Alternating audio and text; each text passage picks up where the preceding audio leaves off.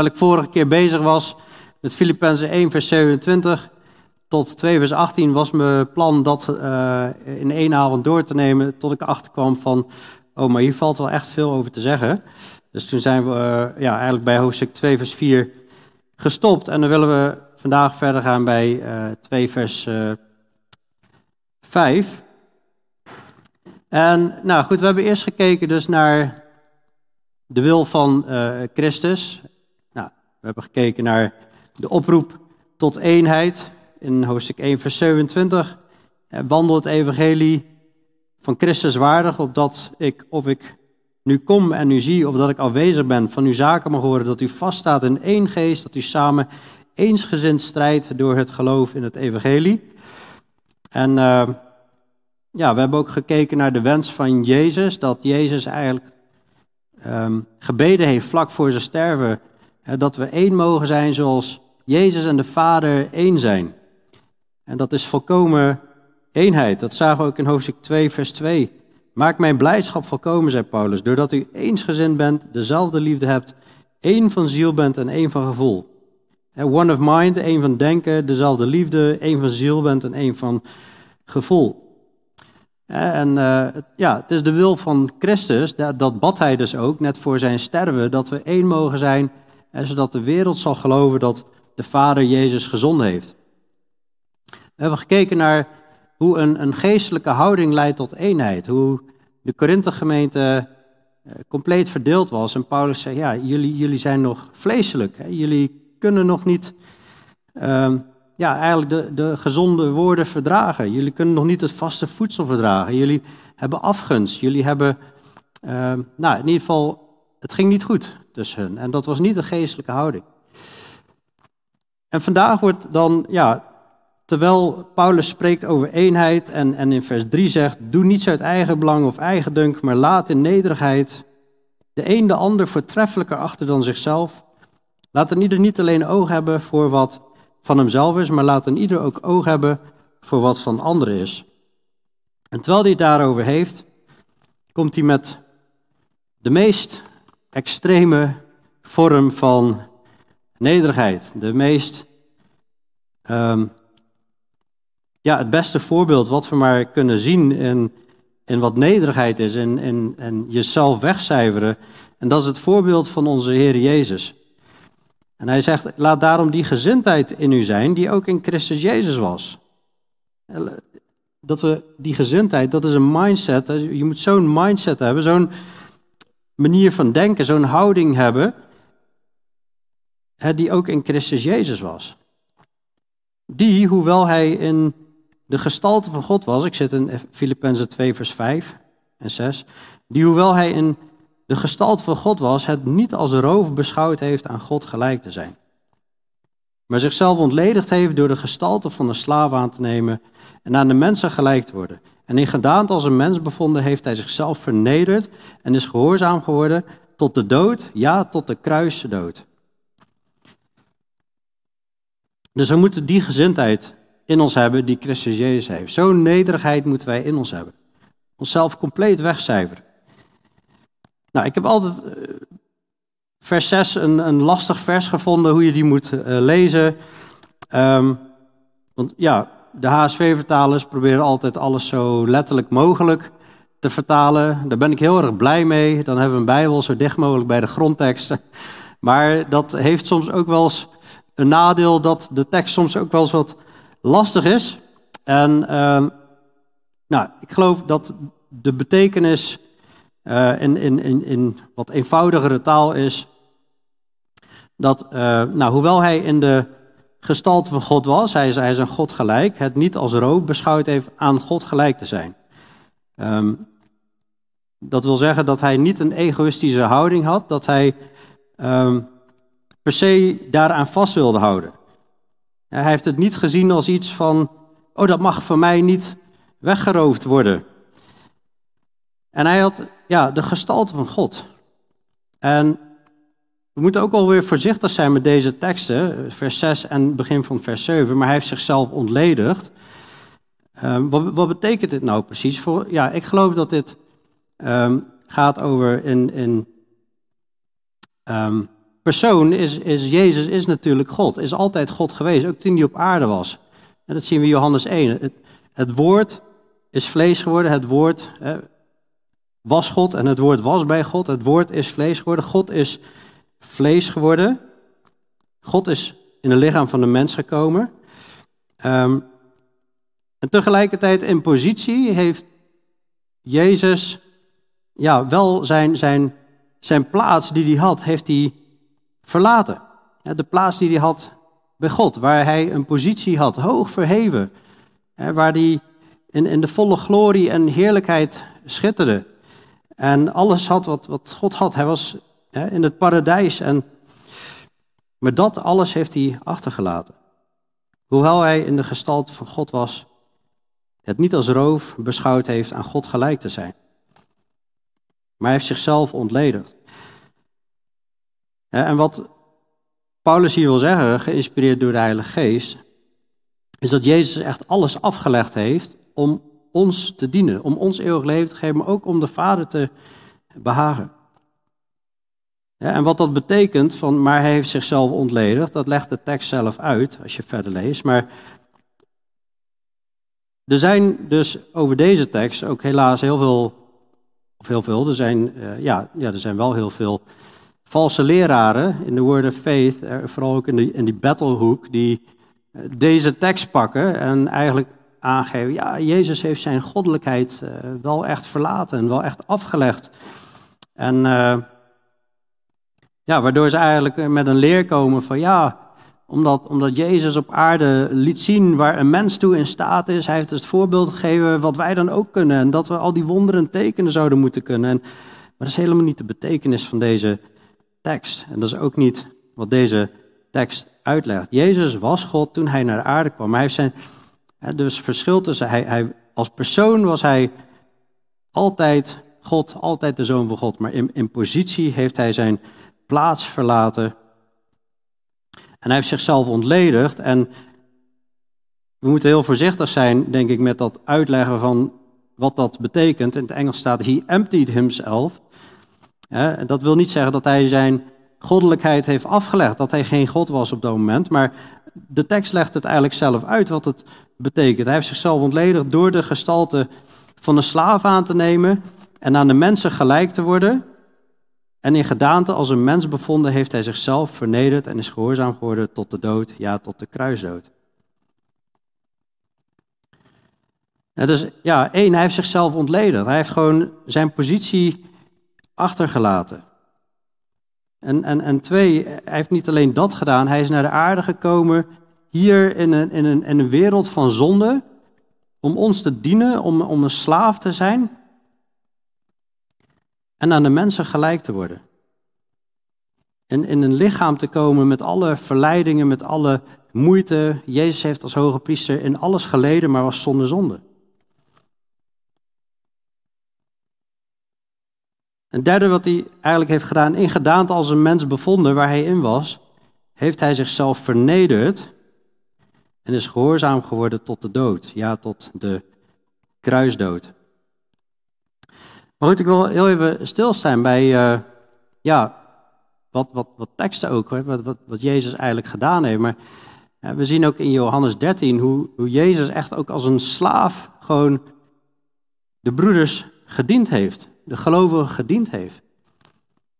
Je ziet ook continu dat hij hier op aarde eigenlijk bespot en, en, en later ook bespuugd en geslagen en gegezeld en, en uiteindelijk gekruisigd werd door zijn volk, door zijn geliefde volk. Hij kwam hier naar de aarde. En ze beweerden eigenlijk dat hij de valse leraar was. En dat zij het bij het rechte eind hadden. En hij had ook nog onder een van zijn apostelen was ook nog een duivel, een Judas. Hij heeft allemaal verschrikkelijke dingen meegemaakt, maar in dat alles heeft hij niet gezondigd. En wat zo bijzonder is aan, die, aan, aan het verhaal van de voetwassing, waar hij echt heel duidelijk laat zien dat hij een slaaf wil zijn. Dat is Johannes 13, vers 2. Daar staat, toen dan de maaltijd plaatsvond en de duivel Judas Iscariot, de zoon van Simon, al in het hart gegeven had hem te verraden, stond Jezus, die wist dat de Vader hem alle dingen in handen gegeven had, en dat hij van God uitgegaan was en tot God heen ging, stond op van de maaltijd, legde zijn kleren af, nam een linnen doek en deed die om zijn middel. Daarna goot hij water in de waskom en begon de voeten van de discipelen te wassen en af te drogen met de linnen doek die, om zijn middel, die hij om zijn middel had. Nou, sla ik even wat versen over. Hè, en dan zegt hij uiteindelijk: Ik heb u een voorbeeld gegeven, opdat ook u zult doen zoals ik voor u heb gedaan. Jezus laat hier fysiek iets zien in houding, maar tegelijkertijd zit hier ook nog iets geestelijks achter, een geestelijke boodschap. Maar wat ik vooral bijzonder vind hier, is dat op het moment dat de duivel in Judas komt, hè, om, om uiteindelijk dat Judas zijn taak gaat vervullen, Jezus staat niet op en, en, en wordt boos en denkt, ja, dat is niet meer normaal. En ik heb uh, drie jaar heb ik met hem gewandeld en we hebben van alles samen gedaan en dan gaat hij mij verraden. En... Nee, het is juist op dat moment hè, dat hij zijn kleren aflegt, neemt een linnen doek en doet die om zijn middel. En ik vind het altijd zo mooi dat de Bijbel ons van die details geeft dat je denkt van, Oké, waarom is dit belangrijk? Waarom, waarom heeft de Bijbel niet gewoon uitgelegd? Ja, Jezus ging gewoon de voeten wassen van de discipelen. Punt. Nee, er staan allemaal details omheen, die hebben een betekenis. Op het moment dat Jezus dit doet, hij legt zijn kleren af, neemt een linnen doek en doet die om zijn middel. Dat, dat, dat, is, dat, is, de, dat is hoe een, een slaaf zich kleden. Op dit moment maakt hij kenbaar, ik ga nu, ik ga nu jullie dienen als een slaaf. Dat zie je ook aan de reactie van Petrus, uh, Petrus overigens. Goed, dan was hij, ze, was hij hun voeten. En uiteindelijk zit daar natuurlijk ook een, nog, nog de les in dat we elkaar ook moeten vermanen en die dingen. Maar hij zegt hier, ik heb u een voorbeeld gegeven opdat ook u zult doen zoals ik voor u heb gedaan. Dus Jezus deinsde niet terug om de positie van een slaaf aan te nemen. Hij kwam naar de aarde door, hij, door de gestalte van een slaaf aan te nemen, maar hij, hij diende ook als een slaaf de, de discipelen. Heel, heel nederig, een hele nederige houding nam hij hier aan. Ook heeft Jezus ons geleerd dat we rust zullen vinden voor onze ziel als we naar hem toe komen. Wanneer we vermoeid en belast zijn, ik zal u rust geven. Neem mijn juk op u. Leer van mij dat ik zachtmoedig ben en nederig van hart. En u zult rust vinden voor uw ziel, want mijn juk is zacht en mijn last is licht. Dus we moeten van Jezus leren hoe hij zachtmoedig is, zacht en nederig van hart. Dan zul je rust vinden. Ook zien we in 1 Petrus 2, vers 21. Hiertoe bent u geroepen, omdat ook Christus voor ons geleden heeft. Hij laat ons zo een voorbeeld na, opdat u zijn voetsporen zal navolgen. Die geen zonde gedaan heeft en in wiens mond geen bedrog gevonden is, die toen hij uitgescholden werd niet terugschold en toen hij leed niet dreigde, maar het overgaf aan hem die rechtvaardig oordeelt. Op het moment dat hij al zijn macht had kunnen gebruiken, er kwam ja, vanuit de politiek, vanuit de hele religieuze samenleving, kwam er zo'n enorme druk op hem te staan. Op, op, op hem die alle macht had. op het moment dat hij gevangen genomen werd, kwam het, het, leger kwam eigenlijk naar hem toe. En, en, dan vroegen ze, bent, bent u Jezus? En, en dan zegt hij, uiteindelijk in, het, in de grondtekst zie je dat hij zegt, ik ben. En op het moment dat hij uitspreekt, ik ben, vallen de soldaten vallen achterover. Hij had gewoon macht om die mensen allemaal uit te schakelen. Maar op dit moment, wanneer hij dus God onderdanig is, die positie van een slaaf aanneemt, hè, er was geen zonde, geen bedrog. Hij schold niet terug, hij dreigde niet en gaf het over aan hem die rechtvaardig oordeelt. Wat overigens niet wil zeggen dat hey, Jezus ging op bepaalde momenten wel echt stevig tegen de fariseeën in natuurlijk, tegen een dwaling, omdat ze het gebod van God terzijde legden en zich aan geboden van mensen hielden. Maar wat deed hij? Hij gaf het over aan hem die rechtvaardig oordeelt.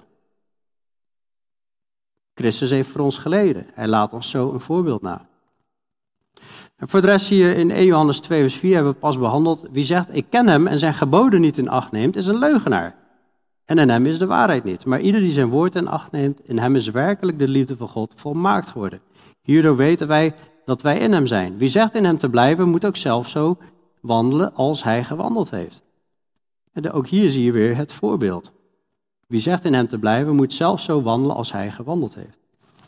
Dus ik, ik geloof één, dat we dit zien als een voorbeeld. Maar dat is niet de enige reden, in Filippenzen 2, dat is niet de enige reden, daar kom ik zo uh, op terug. Maar we zien hier wel een heel krachtig voorbeeld van de houding van Christus. Dus één, hij ontledigde zichzelf, hij verliet zijn positie uit de hemel.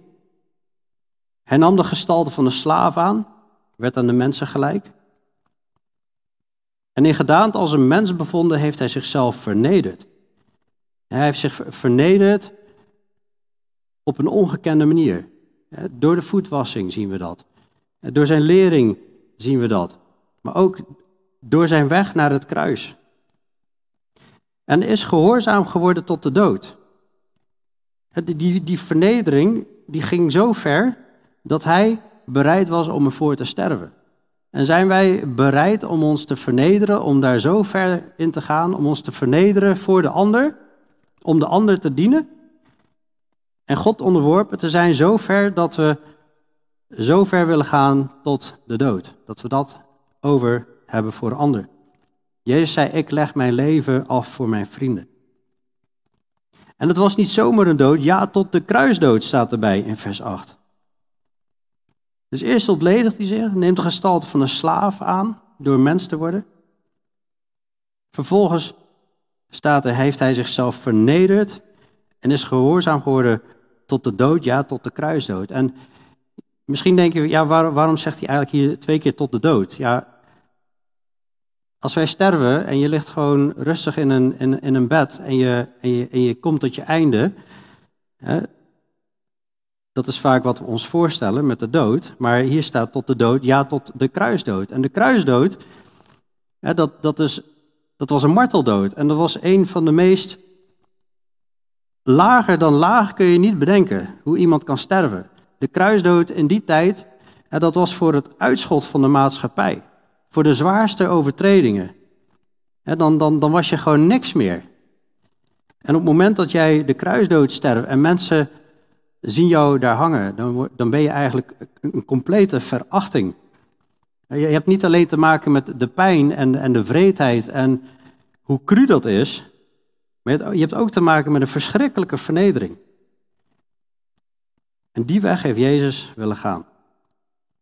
Dat is Nederigheid.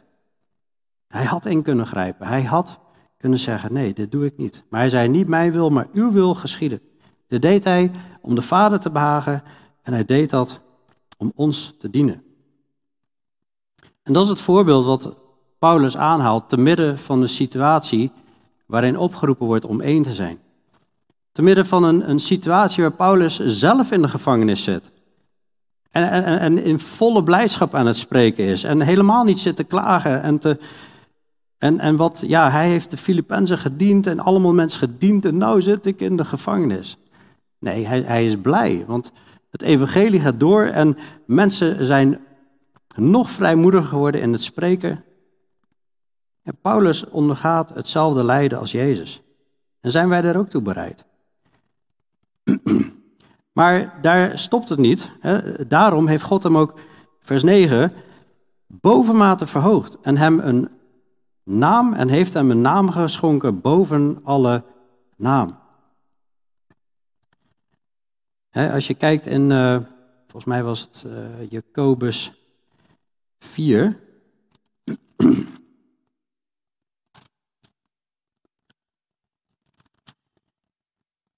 Verneder u voor de Heer en hij zal u verhogen. Jezus heeft zich vernederd en, en natuurlijk, Jezus heeft een unieke positie. Maar je ziet, Jezus is tot het diepste van het diepste gegaan. En daarom heeft God hem ook bovenmate verhoogd. Het is niet een beetje verhoogd, gewoon extreem. Hè? Bovenmate heeft hij hem verhoogd. En heeft hem een naam geschonken boven alle naam. Boven alle keizers die hebben bestaan. Boven alle koninkrijken die hebben bestaan. Boven het, het, het, het, Romeinse Rijk, boven het Europese Rijk, boven alle Europese leiders, boven Joe Biden, boven Trump, boven Kim Jong-un, boven alle namen is hem een naam geschonken. Omdat hij de Zoon van God is en zichzelf vernederd heeft. Opdat in de naam van Jezus zich zou buigen elke knie van hen die in de hemel en die op de aarde en die onder de aarde zijn. En elke tong zou beleiden dat Jezus Christus de Heer is, tot heerlijkheid van God de Vader. Elke knie gaat zich buigen.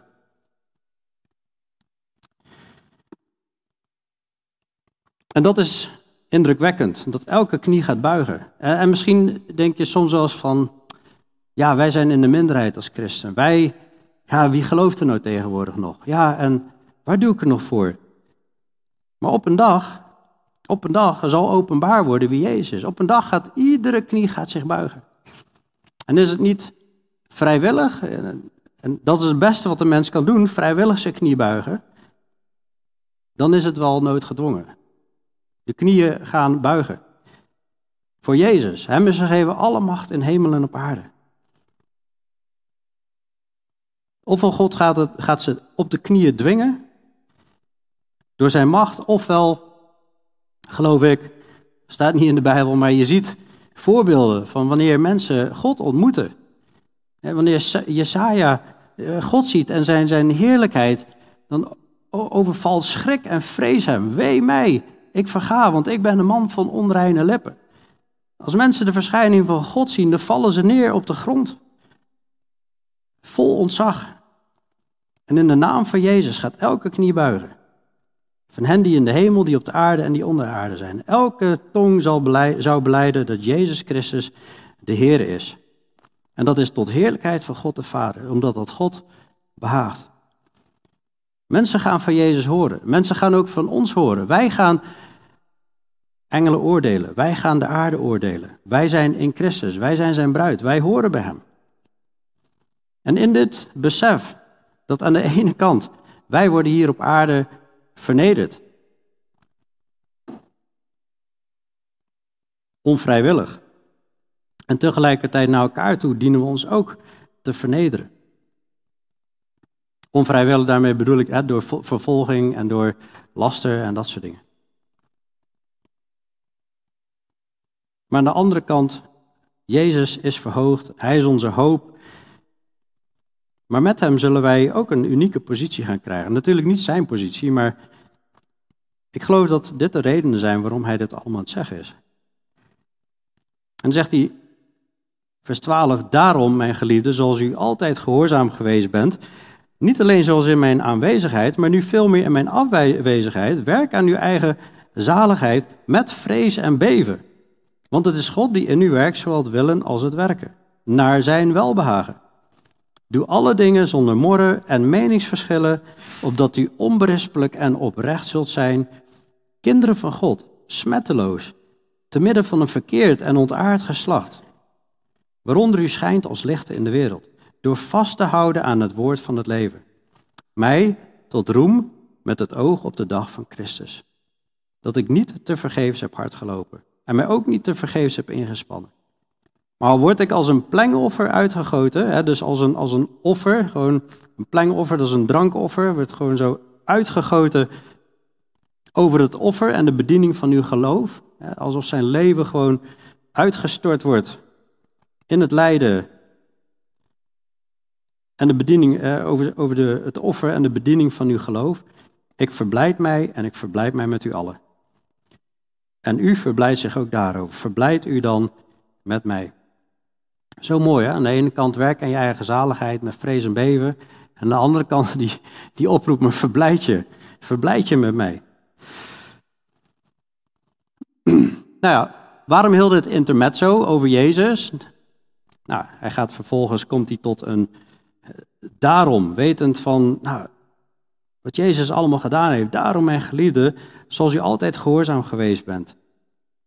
Niet alleen in mijn aanwezigheid, ook mijn afwezigheid. Werk aan uw eigen zaligheid met vrees en beven. en, en, en heb een nederige houding. Daar komt hij eigenlijk weer op neer. Doe alle dingen zonder morren en meningsverschillen. Hij zegt in vers 13, want het is God die in u werkt, zowel het willen als het werken, naar zijn welbehagen. Dit is wat God behaagt. Dit is wat God aan het bewerken is in ons. Dit is naar zijn welbehagen. Dus ja, waar grijpt hij op terug? Nou, eh, ik denk onder andere hier Paulus als voorbeeld in 1 vers 21. Het leven is voor mij Christus, het sterven is voor mij winst. En, met en, en ik denk dat hij ook teruggrijpt op wat hij eerder heeft gezegd in hoofdstuk 1 vers 27. Wandel het evangelie van Christus waardig. En dat we vast moeten staan in één geloof, samen eensgezind strijden door het geloof in het evangelie. Maar ook in het besef van Christus heeft zich vernederd, maar is dus ook verhoogd. En iedereen gaat voor hem buigen. Iedereen gaat voor Jezus buigen. En dus is alle reden om te werken aan onze eigen zaligheid met vrees en beven. Gehoorzaam te zijn. Niet alleen als Paulus aanwezig is en het ziet, maar ook in zijn afwezigheid. Dat we ongeacht wie er ook zit te kijken, dat we gewoon gehoorzaam zijn. Werk aan onze eigen zaligheid met vrees en beven. nou, werk aan je eigen zaligheid met vrees en beven is ook weer zo'n zin die mensen wel eens uit de context trekken. Alsof de Bijbel leert dat we onze eigen redding uh, moeten bewerken en, en, moeten verdienen. Nou, dat is uh, absoluut niet zo. Als je totaal uh, leest van de Bijbel, als je de Romeinenbrief bestudeert, hè, dan is het heel duidelijk, we zijn gered uit genade door het geloof. Hè? Dat is Efeze 2, vers 8 ook. In een preek over de geestelijke wapenrusting heb ik een, een preek gegeven over de helm van de zaligheid. En, en hebben we stilgestaan bij de zaligheid, wat dat, wat dat inhoudt. Dus een preek van vorig jaar, ergens tussen februari en, en mei. Het helpt in ieder geval met hem terug te vinden online. De helm van de zaligheid. En hebben we stilgestaan bij dat de Bijbel eigenlijk leert, het Nieuwe Testament eigenlijk leert, dat het moment dat je in Jezus gelooft, opnieuw geboren bent, dan, dan worden we gered. Of dan, dan, dan zijn we gered. We zijn gered uit genade door het geloof. Maar we worden ook gered ondertussen. We zijn bezig onze zaligheid uit te werken. En we zullen ook gered worden. En we zijn gered uit genade door het geloof. Dat is Efeze 2, vers 8. Dat we bezig zijn gered te worden, dat zie je hier in Filippenzen 2, vers 12. Hè, dat, je hebt je redding gekregen, maar werk daaraan. Werk dat uit. Work out your salvation. Het was in 1 Korinthe 1 vers 18 waar we hadden gezien, ik ga er niet heel diep op in, maar ik, ik noem het even, maar je kunt dat terugkijken in die preek, de verdere uitwerking ervan. In 1 Korinthe 1 vers 18 staat, het woord van het kruis is voor hen die verloren gaan wel dwaasheid, maar voor ons die behouden worden, is het een kracht van God. Voor ons die behouden worden. For those who are being saved, staat in de Engelse vertaling. En dus dan zie je, we are being saved. Dus we zijn gered, we worden gered, maar we zullen ook gered worden. Want 1 Petrus 1 vers 5 leert dat. In uh, eh, 1 Petrus 1 vers 5, daar staat, u wordt door de kracht van God bewaakt, door het geloof tot de zaligheid die gereed ligt om geopenbaard te worden in de laatste tijd. En dus die, die zaligheid is ook nog toekomstig. Dan wordt die volledig geopenbaard in de laatste tijd. Dus we zijn gered, we worden gered, dus moeten we werken aan onze redding, aan uw zaligheid en we zullen gered worden. Maar het punt is hier, werk aan uw eigen zaligheid met vrees en beven, met het besef dat iedereen gaat buigen voor Jezus. Maar kijk ook naar zijn nederigheid, kijk hoe hij vernederd is. En nu ook verhoogd is. En tegelijkertijd met de bemoediging, want het is God die in u werkt. Zowel het willen als het werken. En het is allemaal naar zijn welbehagen. En we doen het gelukkig niet alleen. Het is de Heilige Geest die door ons heen werkt. Net zoals Paulus begon in zijn brief in hoofdstuk 1, vers 6. Ik vertrouw erop dat hij die in u een goed werk begonnen is. Wie is dat goede werk begonnen? God is dat goede werk in ons begonnen. Dat voltooien zal tot op de dag van Jezus Christus.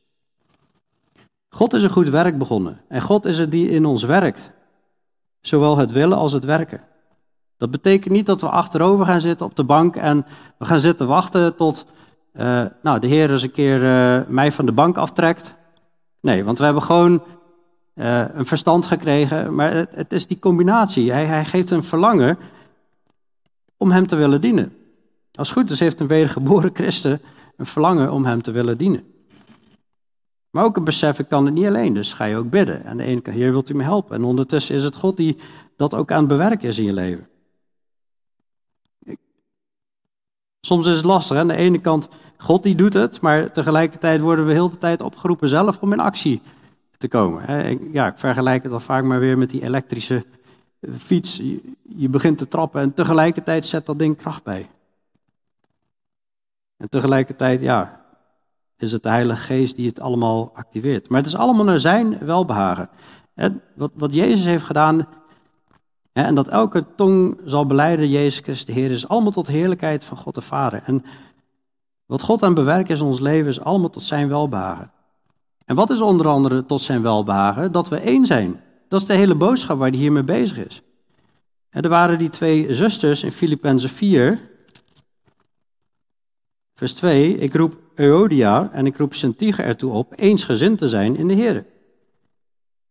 Ja, ik vraag ook u, mijn oprechte metgezel, help deze vrouwen die samen met mij gestreden hebben in het evangelie.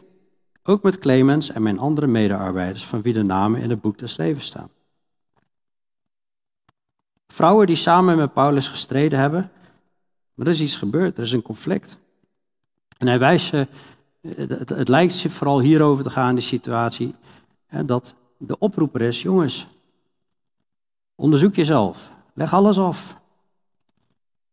We moeten samen strijden in eenheid voor het evangelie. Wat had hij gezegd? Doe niets uit eigen belang of eigendunk, maar laat in nederigheid de een de ander voortreffelijker achter dan zichzelf.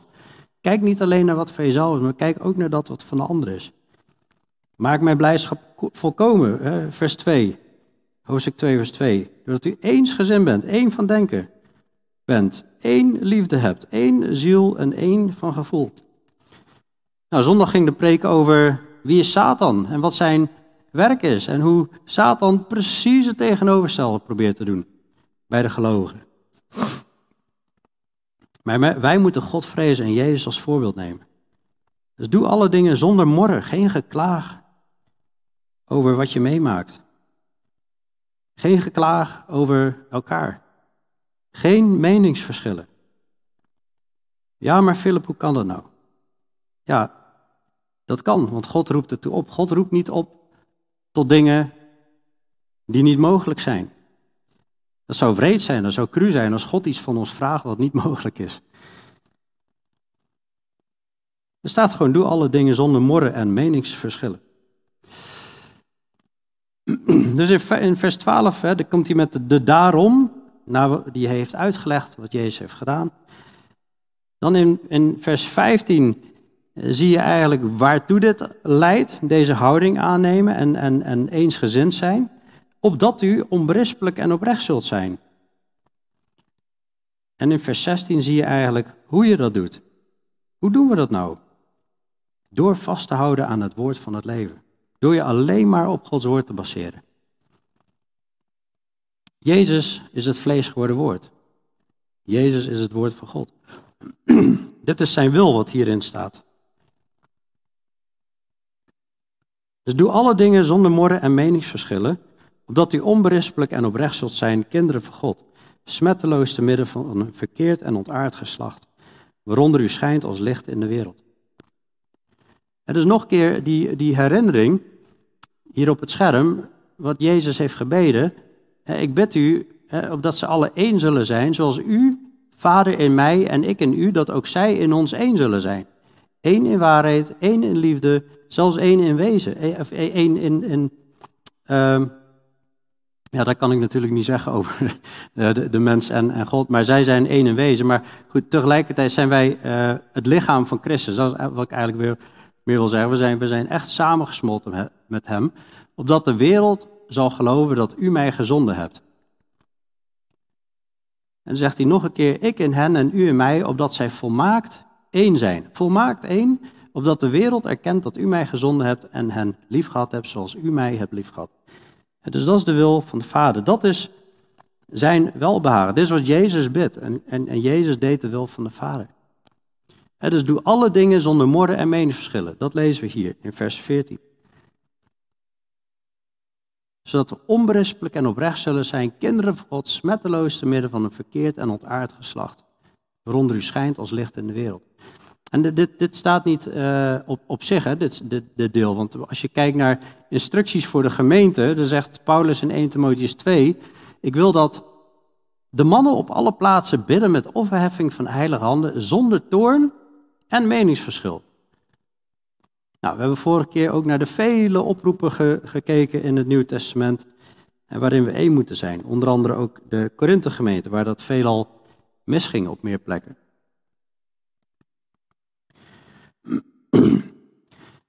In ieder geval, waartoe moet het leiden opdat u onberispelijk en oprecht zult zijn, kinderen van God. En bij onberispelijk, hier staat dat we allemaal onberispelijk moeten zijn. Dat is ook een eis van de oudste om oudste te kunnen zijn, onberispelijk. Maar dit is tegelijkertijd een oproep aan allen, onberispelijk. Hè, dat, dat er niks op aan te merken valt. Net als een Daniel. Een Daniel die wilde ze te pakken nemen. En ze zochten een aanklacht tegen Daniel, want die man was zo ja, bijzonder in zijn, in, zijn, in zijn werk. God zegen hem. Maar ze kregen hem niet te pakken. Hè. Ze wilden hem aanklagen, maar ze konden niks vinden in hem. En dus gingen ze maar een wet bedenken waardoor hij een overtreding zou maken op basis van die nieuwe wet. Dat is onberispelijk zijn. En oprecht. Kinderen van God, nogmaals ook de herinnering, kinderen van God, dat is onze positie. dus dan moet dat ook zichtbaar zijn. Smetteloos. Te midden van een verkeerd en ontaard geslacht. Smetteloos. Hoe ben je smetteloos? Nou, dan denk je vaak, oh, we moeten niet met hoererij bezig zijn en niet met dit en allemaal. Nee, maar ook door zonder morren en meningsverschillen met elkaar om te gaan. Door dus de blijdschap van Paulus, maar de blijdschap van God ook volkomen te maken. Door eensgezind te zijn, dezelfde liefde hebben, één van ziel en één van gevoel zijn. Niets uit eigen belang doen of eigen dunk. En je zal wegcijferen. En dat is onberispelijk zijn, kinderen van God, smetteloos te midden van een verkeerd en ontaard geslacht. Ik weet niet of jullie wel eens de politiek volgen de laatste tijd. Af en toe, af en toe nou best, best wel geregeld, zet ik wel eens van die filmpjes aan waarbij ik uh, politici zie debatteren met elkaar. En, en, en hoe dat er soms aan toe gaat, de, de haat naar elkaar. Dat, dat, ja, zo horen wij niet met elkaar om te gaan. Als zij meningsverschil hebben, dan, nou ja, het liefst uh, slingeren ze die microfoons naar elkaar toe, lijkt het wel. Maar, maar los daarvan, hoe de wereld met elkaar omgaat. In de huwelijken, hoe de wereld met elkaar omgaat. Hoe mensen met kinderen omgaan. Het is een verkeerd en het is een, compleet ontaard geslacht. A crooked, a crooked and, perverse generation, staat, er in, uh, in het Engels. Ontaard. Ze zijn gewoon helemaal weg van hun aard. Weg van helemaal ontspoord, pervers. Als je kijkt naar hoe mensen op seksueel vlak denken en hoe mensen over het huwelijk denken. Ze zijn gewoon echt helemaal het spoor bijster. Helemaal pervers, ontaard. Mensen zijn de weg kwijt in de wereld. En het wordt alleen maar erger. Het wordt alleen maar meer als Sodom en Gomorra, totdat God in gaat grijpen. Maar er is een hoop, want wij zijn er. God is nog steeds aan het werk. Waaronder u schijnt als lichten in de wereld. Wij schijnen als lichten in de wereld. God heeft zijn kinderen in de duisternis gezet. Om compleet anders te zijn dan hoe ze in de wereld zijn. En als wij een zachte en een nederige houding hebben, onszelf wegcijferen, niet ons eigen belang zoeken, dan zal er eenheid zijn. Want we hebben ook gekeken naar Efeze 4, waarin staat dat we de eenheid van de geest moeten bewaren. De geest geeft eenheid. En wij moeten die bewaren door de band van de vrede. En zo schijnen we als lichten in de wereld. En Jezus had ook gezegd, ik heb het hier op het scherm, u bent het licht van de wereld. En een stad die bovenop een berg ligt, kan niet verborgen zijn. Ook steek men geen lamp aan en zet die onder de korenmaat, maar op de standaard. En hij schijnt voor alle die in het huis zijn. Laat uw licht zo schijnen voor de mensen, dat zij uw goede werken zien en uw Vader die in de hemelen is, verheerlijken. Mooi hè, hier zie je het weer. Laat je licht zo schijnen, mensen zien de goede werken, dit is een getuigenis. En wie wordt er dan verheerlijkt? De Vader in de hemel. Wat Jezus kwam doen was tot heerlijkheid van God de Vader. God werkt in ons naar zijn welbehagen. We ons licht schijnen, dan verheerlijkt dat de Vader. En dit is onder andere hoe we ons licht laten schijnen. En dat doen we, vers 16, door vast te houden aan het woord van het leven. Het woord van God. We, we, we, hebben, hebben zo'n geweldige openbaring van God hier voor ons liggen. We hebben de 66 boeken van de Bijbel. De Bijbel, Gods woord, is al vele honderden jaren compleet. We weten hoe het allemaal gaat eindigen met de aarde. We hebben gewoon het totaalplaatje gekregen. We, hebben de geheimenissen van God die verborgen waren door alle eeuwen heen, die zijn ons geopenbaard. Jezus Christus heeft aan zijn bruid alles willen openbaren over zichzelf, wat zijn positie is, wat onze positie is, hoe we moeten wandelen. En daar moeten we aan vasthouden. Als je in mijn woorden bent, zei Jezus, dan ben je werkelijk mijn discipelen, werkelijk mijn volgelingen. Je zult de waarheid kennen en de waarheid zal je vrijmaken. Die zal, en dat is wat je leidt, door vast te houden aan het woord van het leven. En dat is mij tot roem, zegt Paulus, met het oog op de dag van Christus. En dat mag voor ons allemaal zo zijn.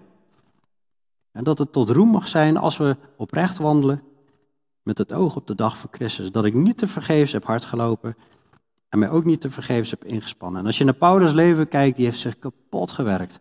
Kapot gewerkt. Wat een geweldig voorbeeld. Hard gelopen. En hij heeft zich niet te vergeefs ingespannen. Dat gelooft hij, want op een dag, op de dag van Christus, en dan gaat zijn loon openbaar worden. Dan gaat zijn loon gegeven worden. En daar kijkt hij naar uit. En daar mogen wij ook naar uitkijken. Maar al word ik als een plengoffer uitgegoten, zegt hij, over het offer en de bediening van uw geloof. Ook, ook al wordt mijn leven nu eigenlijk, ja, soort van uh, geofferd, uh, als een plengoffer uitgegoten over het offer en de bediening van uw geloof. Is allemaal ten voordeel van jullie. Hij zei, het leven is voor mij Christus en sterven is voor mij winst. En eigenlijk ben ik het liefst bij Christus, maar het is voor jullie beter dat ik hier ben. Hij was er nog voor de mensen. Om hun te dienen en uiteindelijk ook God natuurlijk. En dan zegt hij, ik verblijd mij. En er is ook zoveel reden om ons te verblijden. En ik verblijd mij met u allen. Als je kijkt naar wat Jezus heeft gedaan, hoe hij zich vernederd heeft, hoe hij verhoogd is, hoe hij onze Heer is, hoe hij gaat regeren. En wat hij allemaal in ons bewerkt heeft, de Heilige Geest heeft gegeven, ons leert hoe we één mogen zijn. Dat is geweldig.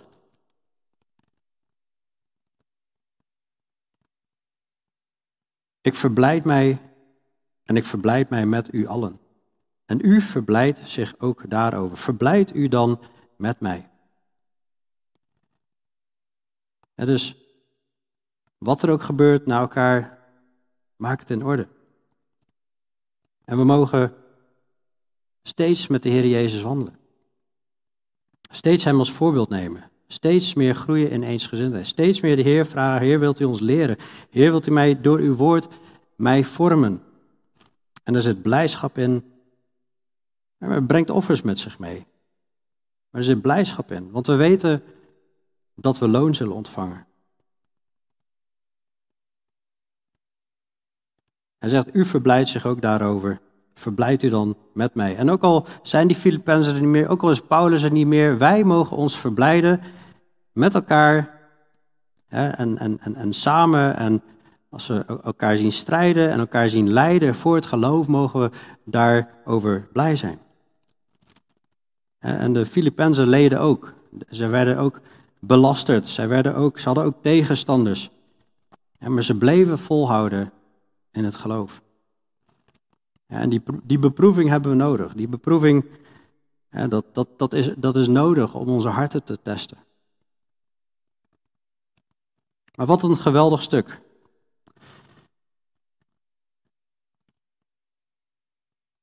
Ik zou graag zo uh, ja, weer na willen denken over wat zijn de opdrachten eigenlijk in Filippenzen die we tot nu toe zien.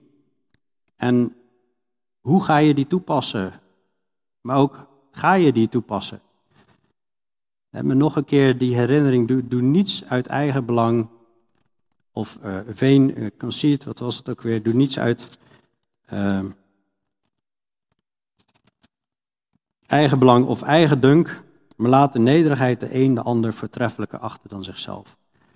En hoe wordt Jezus verheerlijkt in Filippenzen 2? En hoe wordt de Vader verheerlijkt? je kunt al nog meer vragen stellen, maar ik denk dat dat vooral goed is van hoe we die opdrachten gaan vervullen. Dat we in ieder geval al die mindset hebben, hè? Die, die gezindheid hebben die in Christus is. En als we die houding hebben, als we allemaal die houding hebben in de gemeente, wat, wat, wat, wat zal er dan een stukje hemel op aarde zichtbaar worden? Zullen we God om hulp vragen dat Hij het willen en het werken in ons zal bewerken?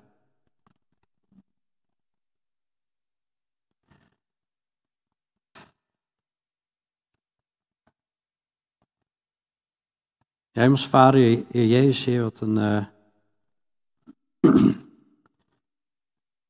bijzonder stuk is het om allereerst zo het contrast te zien tussen de extreme vernedering van u, Heer Jezus, en hoe God u bovenmate verhoogd heeft en een naam boven alle namen gegeven heeft. Wat een dag zal dat zijn, Heer, als we daar bij u zijn en allemaal mensen om u heen zien die, die zich buigen voor u. Tegelijkertijd ook, ja, wat, wat, triest als we weten dat, dat heel veel mensen zich niet vrijwillig buigen voor u, maar toch zullen buigen. Ja, wilt u ons helpen om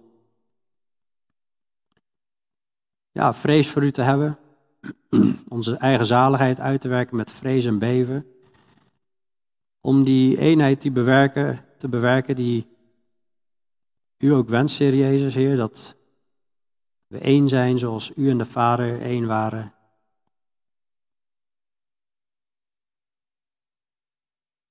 Help ons om ons alleen maar op uw woord te baseren en verder niks. Dat uw woord de enige bron mag zijn, Heer, van waaruit wij putten, waaruit we leven. En verder niks, Heer. Dat dat niks anders ingang mag hebben in ons hart, in onze ziel, in ons verstand. Dat Satan geen ruimte krijgt. Help ons om, om ons zo te vernederen, Heer Jezus, zoals U. Dat we bereid zijn om tot de dood ons te vernederen om anderen te dienen.